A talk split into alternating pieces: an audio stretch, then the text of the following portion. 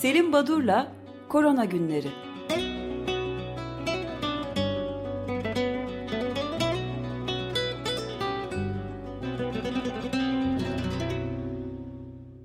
Günaydın Selim Badur, merhabalar.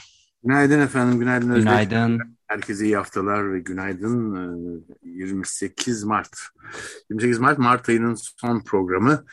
Ee, yine John Hopkins Üniversitesi'nin sitesinde e, öğrendiğimiz kadarıyla e, yer kürede e, olgu sayısı 480 milyonu aştı. Yaşamını yitirenler de 6.1 milyon kadar. Günde ortalama bir haftadan beri e, 1 milyon 464 bin olgu listeye eklendi. E, yani e, çok yükselmiyor belki ama e, oldukça yüksek bir sayı. E, Türkiye son e, bir aydaki olguların e, değerlendirilmesine baktığımızda e, 15. sırada. E, neden 15. sıraya doğru e, düştü Türkiye? Çünkü Güney Kore, Vietnam, Japonya gibi Hong Kong, Çin gibi e, uzak doğu Asya ülkelerinde e, ciddi e, artışlar var. Birazdan onlara değineceğim ama Dünya Sağlık Örgütü'nün önemli bir açıklaması. E, kısıtlamaların aniden ve süratle kaldırılması e, çok hızlı e, olmakta. E, örneğin e, Fransa ve Almanya'da Mart ayında e, olgu sayılarında sıçrama oluyor. E, önce bu iki Avrupa ülkesi daha sonra e, ikisini İtalya, İngiltere e, takip ediyor. Özellikle bu omikron varyantının BA1 ve BA2 olarak tanımlanan iki alt grubu var. BA2 e, ki e, diğer omikrona orijinal e, ise e, oranla %35-40 kadar daha hızlı yayılan bir alt varyant. E, buna bağlı olarak bu Avrupa ülkelerindeki artış anlatılmakta. Dünya Sağlık Örgütü'nün Avrupa bölgesinde 53 ülke var. Bunun 18'inde artış var son bir haftadan beri. Önemli olan e, hastaneye yatışlar da azalacak deniyordu. O da azalmıyor. Bu önemli. E, son 7 günde yine Avrupa bölgesinde 5.1 milyon yeni olgu, 12 binden fazla da e, 2500 kadar da yaşamını yitiren kişi var. Yani e, Avrupa bölgesi de e, her ne kadar bütün bu kısıtlamaların kaldırılması, hafifletilmesi, gevşetilmesi e, gerçekleşiyorsa da olgu sayılarındaki e, artışlar e, bir türlü dinmek bilmiyor. E, ben bir de şeyi ilave etmek isterim izninizle. Yani Amerika Birleşik Devletleri'nde 1 milyonu e, ölenlerin sayısı aşağı yukarı buldu ya da bulmak üzere. E, evet. Johns Hopkins'e bakılarak gene. E, hatta bir, bir yerden bir milyonu birazcık aşmış olduğunu görüyorum. 3 bin gibi bir şey var, rakam var. Bir de e, Türkiye'de de 100 bini bulmak üzere yanılmıyorsun evet. değil mi? Evet, evet ki yani bunlar resmi rakamlar. Hem Türkiye'de hem Batı ülkelerinde olsun bütün dünya ülkelerinde.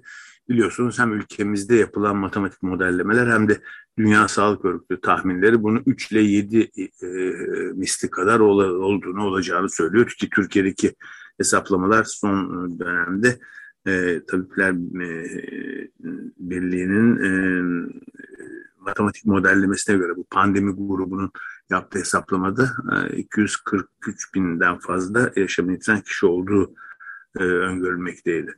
Evet. Şimdi uzak Doğu Asya'ya bakarsak tabii Çin'de ilginç e, gelişmeler oluyor. Çünkü şimdiye kadar doğrusu isterseniz e, iyi idare etti Çin. Hani e, acaba e, gerçek mi sayılar gibi bir takım soru işaretleri e, hep gündeme getirildi ama e, hani şu anda verdikleri sayılara baktığınızda artışları da e, bildirmekteler. E, o nedenle inanmamak için bir neden yok herhalde. Şimdi 22 Mart e, akşamı Çin'de e, o ülkenin en ünlü sosyal medya e, portalı diyelim WeChat diye bir portal varmış. Buradan bir bilgi yayılıyor. Gece 24'ten sonra Şangay tamamen kapanacak diye insanlar hatırlarsanız eğer 2020 yılında ülkemizde de yaşanmıştı. E, marketlere hücum ediyorlar. Özellikle bu eve yemek getiren araç gereç e, servisleri e, inanılmaz bir yoğunluk yaşıyor her ne kadar Şangay Belediyesi bu söylentiye inanmayın bu doğru değil diye çağrı yapsa da e, nafile büyük bir kaos yaşanıyor. E, aslında e, iki haftadır e, bu 26 milyonluk metropolde Şangay'da e, kısıtlamalar var ama işe yaramıyor. 10 gün içinde e, yaklaşık günlük olgu sayısı 100'den 983'e çıktı.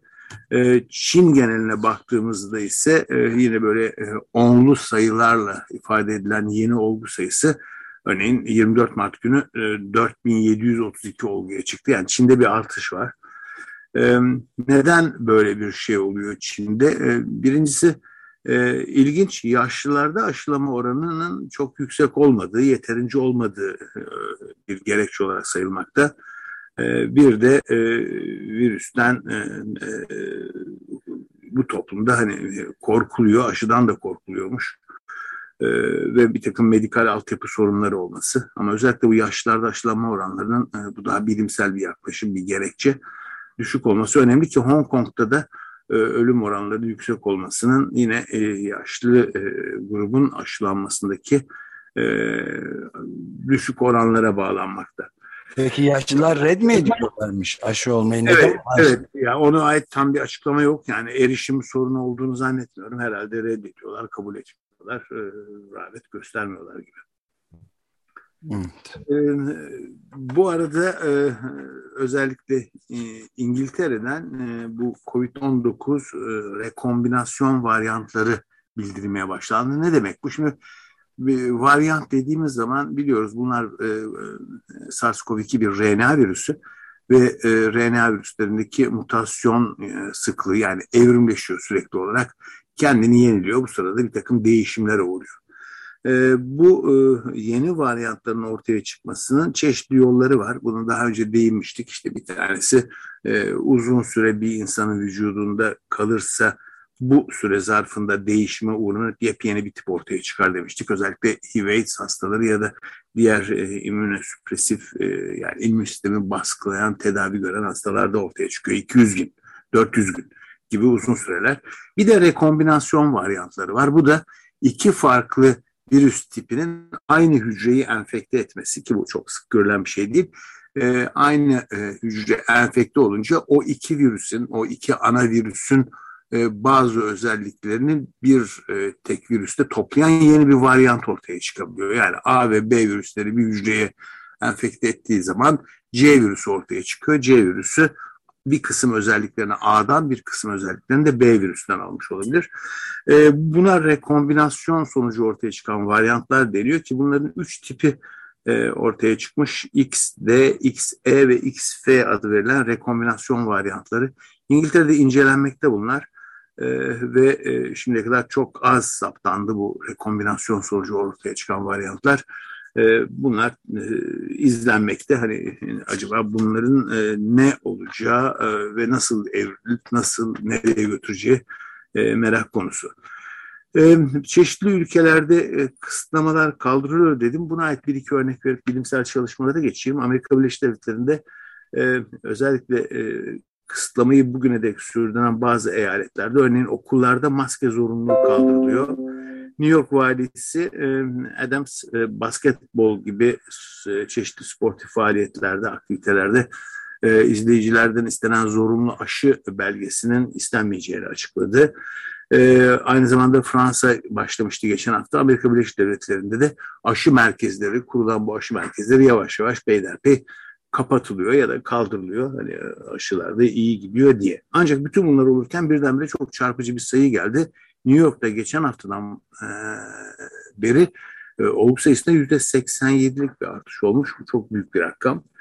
E, Amerika Birleşik Devletleri'nde e, özellikle bu e, biraz önce bahsettiğim omikronun yeni e, varyantın bir e, alt tipi olan BA2 yüzde 35'e varmış. Ee, bu oranda saptanıyor ki unutmayalım bu varyant, bu alt tip çok hızlı yayılmakta. Ee, İngiltere'de ise e, çoğalma katsayısı yani RO değeri kısaca bir e, enfekte bireyin kaç kişiye ulaştırdığı hesaplanınca bu değer e, geçen hafta 0.9 iken bu hafta 1.39'a çıkmış. Yani daha bulaştırıcı bir virüsün yayılmakta olduğunu bir kanıtı. Ve İngiltere derken bir de e, farklı bir e, konuya bu ülkedeki gelişmeye değineyim. Covid'den yaşamını yitirenlerin aileleri Londra'da bir duvarı anı ya da e, anımsama duvarı ilan ettiler. e, National Covid Memorial Wall e, dediler. 500 metre uzunluğunda St. Thomas Hastanesi'nin yakınlarında e, bir e, duvar e, her yakını kaybeden oraya e, ağırlık olarak kırmızı renkli bir kalp çiziyor ya da e, bu simgeyi e, yapıştırıyor. Bunu yaparken maske takıyorlar mı? Yoksa resimde bir fotoğrafı vardı. Fotoğrafta görmedim maskelerini. Ama e, ilginç olan e, bu tür bir anı duvarı oluşturmuşlar ama bir kısım e, ailede diyorlar ki Boris Johnson'a sorumsuzluğunu hatırlatacak bir anıt istiyoruz diye e, bir girişime bulunuyorlar. Onlar da böyle bir e, eğilimdeler. E, şimdi tabii bütün bunlardan bahsederken e, belki programın başına değinmem gerekiyordu. Ukrayna ile ilgili e, Covid ve sağlık konusu. Şimdi e, özellikle ülkeyi terk eden göçmenlerin sayısı değişiyor tabii. Her gün artıyor. 7 milyonu geçti deniyor. Ve bütün bu kalabalık, bütün bu korunma ve alınan önlemleri hani e, göz ardı edildiği bir ortamda bulaşıcı hastalıklar nasıl seyreder? E, işte özellikle aşılama oranlarının düşük olduğunu, COVID aşılısının buna değinmiştim ama bakıldığında aslında sadece COVID aşısı değil Ukrayna ilginç bir şekilde diğer aşılarda da e, aşı kabulünün çok e, yüksek olmadığı ilginç bir ülke, ilginç bir yaklaşım var.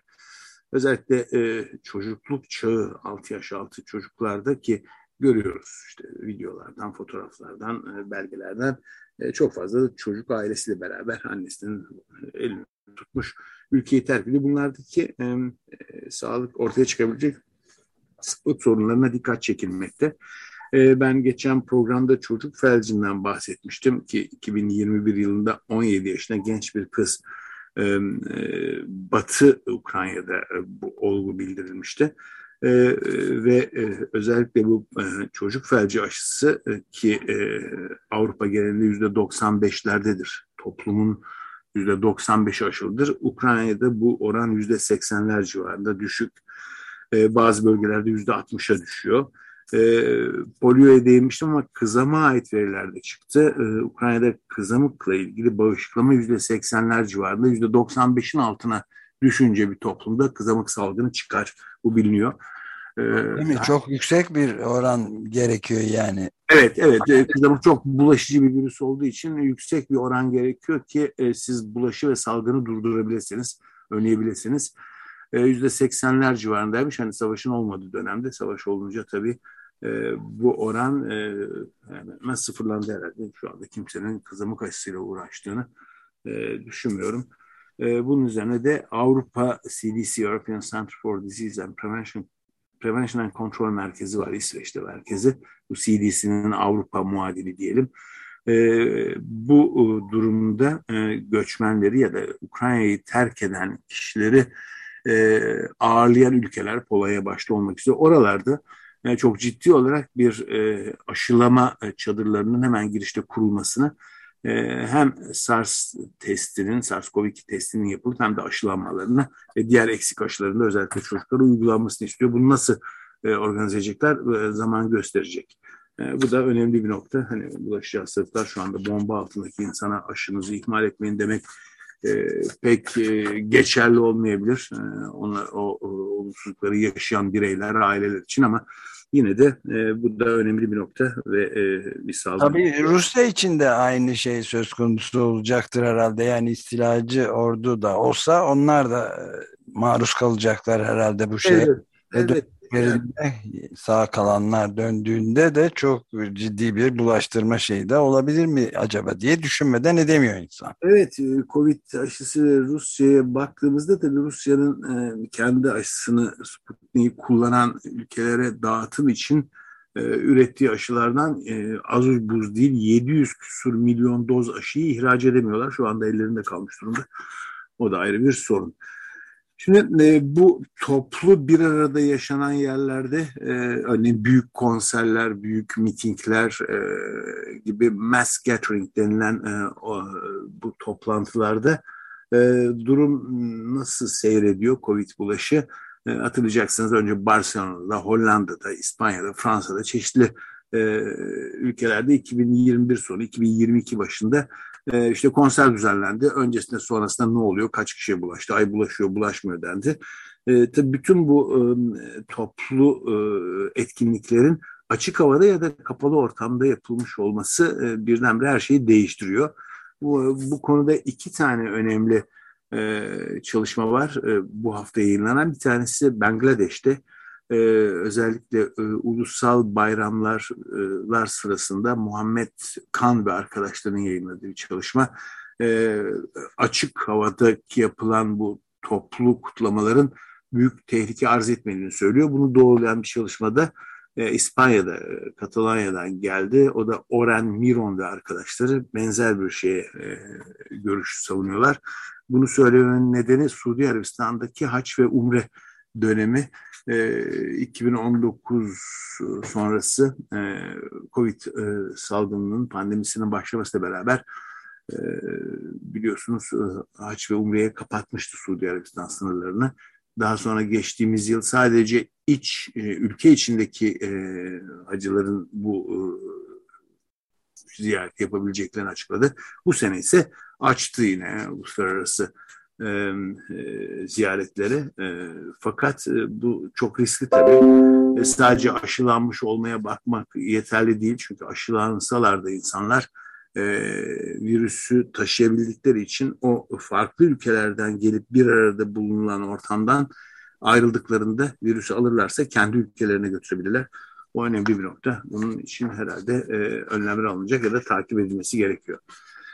Şimdi e, zaman kısa, e, kısıtla bugün e, ama e, baktığımızda diğer enfeksiyon hastalıklarına e, e, nasıl yansıdığını ve e, nelere yol açtığını e, daha çok e, çalışmalarda görmeye başladık. Örneğin e, kanser izlenmesi ve kanser tedavisindeki aksamalar sonucunda e, örneğin e, kolorektal kanser taramalarında e, %18 oranında azalma olmuş. Yani kolonoskopi yapılıp daha sonra da e, kanser taramaları için e, özellikle bu kolon kanserindeki taramalarda aksamalar, tarama aksayınca tabii saptayamıyorsunuz. Benzer bir durum e, Kertin Deha ve arkadaşları e, Lancet Respiratory Medicine'de yayınladılar. Tüberküloz konusunda tüberküloz servislerinin e, aksadığı, çalışılma, çalışmadığı ve bu nedenle e, sorun yaşandığını söylüyorlar. E, bu durum peyderpey ortaya çıkmakta.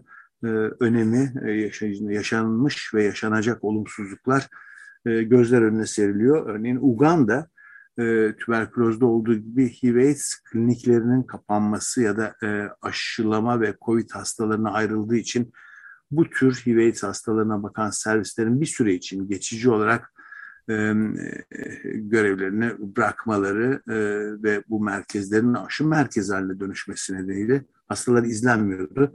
Bunun için yeni bir e, yöntem geliştiriyormuş Uganda ki HIV sorunun e, oldukça önemli olduğu bir ülke. Özellikle motosiklet taksileri e, gibi bir dizi kolaylaştırıcı araçla bu HIV hastalarını ya evlerine ziyaret ya da bunların geri dönmelerini sağlamaya çalışıyorlar.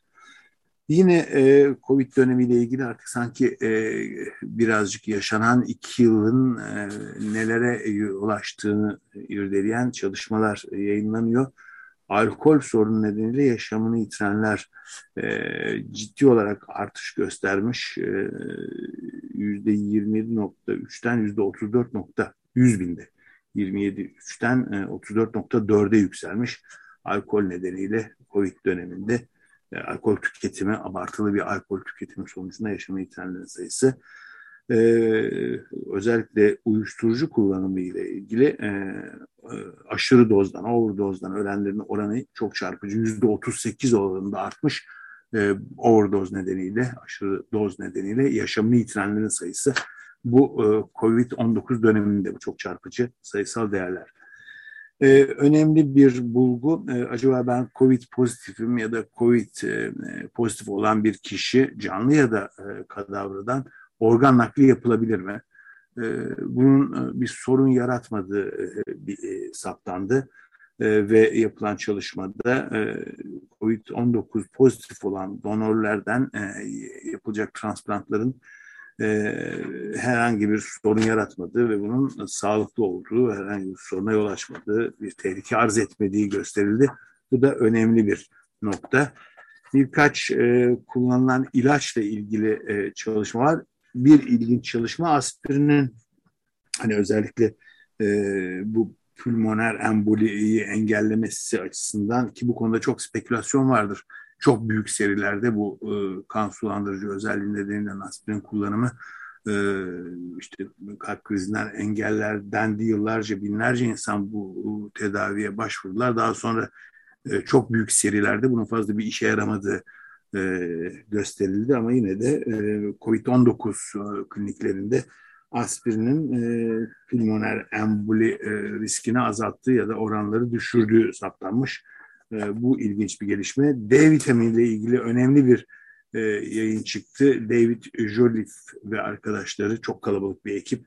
E, bu ekibin yaptığı çalışmada e, faz 3 kontrollü bir çalışma, koronavit çalışması e, yapılan çalışma sonucunda eğer e, ağır bir COVID, e, D vitamini eksikliğiniz yoksa sağlam bir bireyin e, D vitamini takviyesi e, uygulanması e, COVID'e karşı hiçbir etkisi olmadığı gösterildi. Kortikosteroidlerin e, çalışması var. Lancet'de yayınlanan bir çalışma. E, kortikosteroid yani immün sistemi baskılayıcı bir takım uygulamalar e, ne kadar arttı e, İngiltere'de e, 2020-2021 döneminde yüzde 27 oranında artmış kortikosteroid kullanımı e, ve bu tedavinin hani böyle, böyle gelişi güzel kullanımının hani ben bir kan sulandırıcı alayım, ben bir e, immün baskılayıcısı alayım demenin bir yararı olmadığını, e, buna dikkat edilmesi gerektiğini e, söylüyorlar. İki haberle bitireyim ben bugünkü programı. Bir tanesi İngiltere bundan sonra ne yapacak bu post-Covid döneminde eğer oraya varabilirsek. Bir tanesi e, başta çocuklara yardım özellikle çocukların akademik sosyal e, ve güven duygusu e, geliştirilmesi çocuklarda bu konuda bir çaba ve programların yürütülmesinin gereğinin altını çiziyorlar. Toplum genelinde anksiyete ve depresyon gibi bir takım e, mental hastalıklarla mücadelenin önemli olduğu vurgulanıyor. Sağlık e, çalışanları ve sağlık personelinin desteklenmesi e, e, konusunda bir takım programların uygulanmasına değiniliyor ve e, özellikle kentsel e, ve kırsal e, ikilemde e, ayrımda yüzde 27 oranında bu evden çalışma, uzaktan çalışma nedeniyle kır, kırsal kesime göç onun için şehircilik ve kent sorunlarının tekrar gözden geçirilmesinin öneminin altı çiziliyor.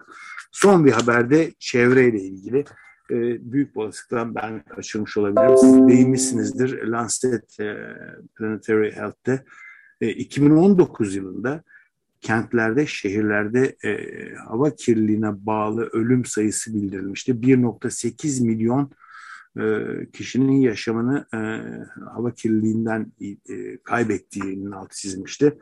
E, Nisak Benson ve arkadaşları Helion isimli dergide e, bu e, Covid dönemindeki e, çevre kirliliğinin ne olduğuna bakmışlar. Yazdıkları e, makalede bunu daha önceden biliyorduk. Günde 1.6 milyon ton atık, plastik atık doğaya karışıyordu. Ama Nisak Benson ve arkadaşları çok daha çarpıcı bir sayısal değere ulaşmışlar. 3.4 milyon işte maske, bu bariyerler günde e, doğaya atılmış atık olarak 3.4 milyar e, maske ve e, yüz bariyeri bu plastik bariyerler atılmış günlük sayı bu. Bana çok korkunç geliyor yani dönüp dönüp bakıyorum 3.4 milyar maske ve bariyer. Bu da e, Covid-19 pandemisinin yeryüzüne bıraktığı bir kirlilik, bir hediye nasıl tanımlarsanız. Evet ve bu arada da yani insan kanında da ilk defa olarak plastik e, gözlen, gözlendiği de araştırma sonucu ortaya çıktı. Çok önemli bir dönüm noktası üzerinde konuşuruz daha sonra. Evet, e, bir de Nature Review of Microbiology'de e, yeni bir yazı, önemli bir yazı. Çok kısa, iki sayfalık bir yazı ama Markov ve arkadaşları virüsün hızlı antijenik değişimini incelemişler ve diyorlar ki tehlikeli yeni varyantların oluşumuna bir zemin hazırlandı. Bu hazır bu zemin hiç şaşırtıcı olmayacak diyorlar. Yani bu varyant işi eğer çok farklı bir gelişme olmazsa beklenmeyen bir gelişme bir süre daha insanlığın başını ağrıtacak gibi. Ben burada durayım efendim. Size iyi yayınlar iyi hafta, e, haftalar dileyim. E, Hoşçakalın. Çok teşekkür ederiz. Görüşmek üzere. Görüşmek üzere. Teşekkürler. Sağ olun. Selim Badur'la Korona Günleri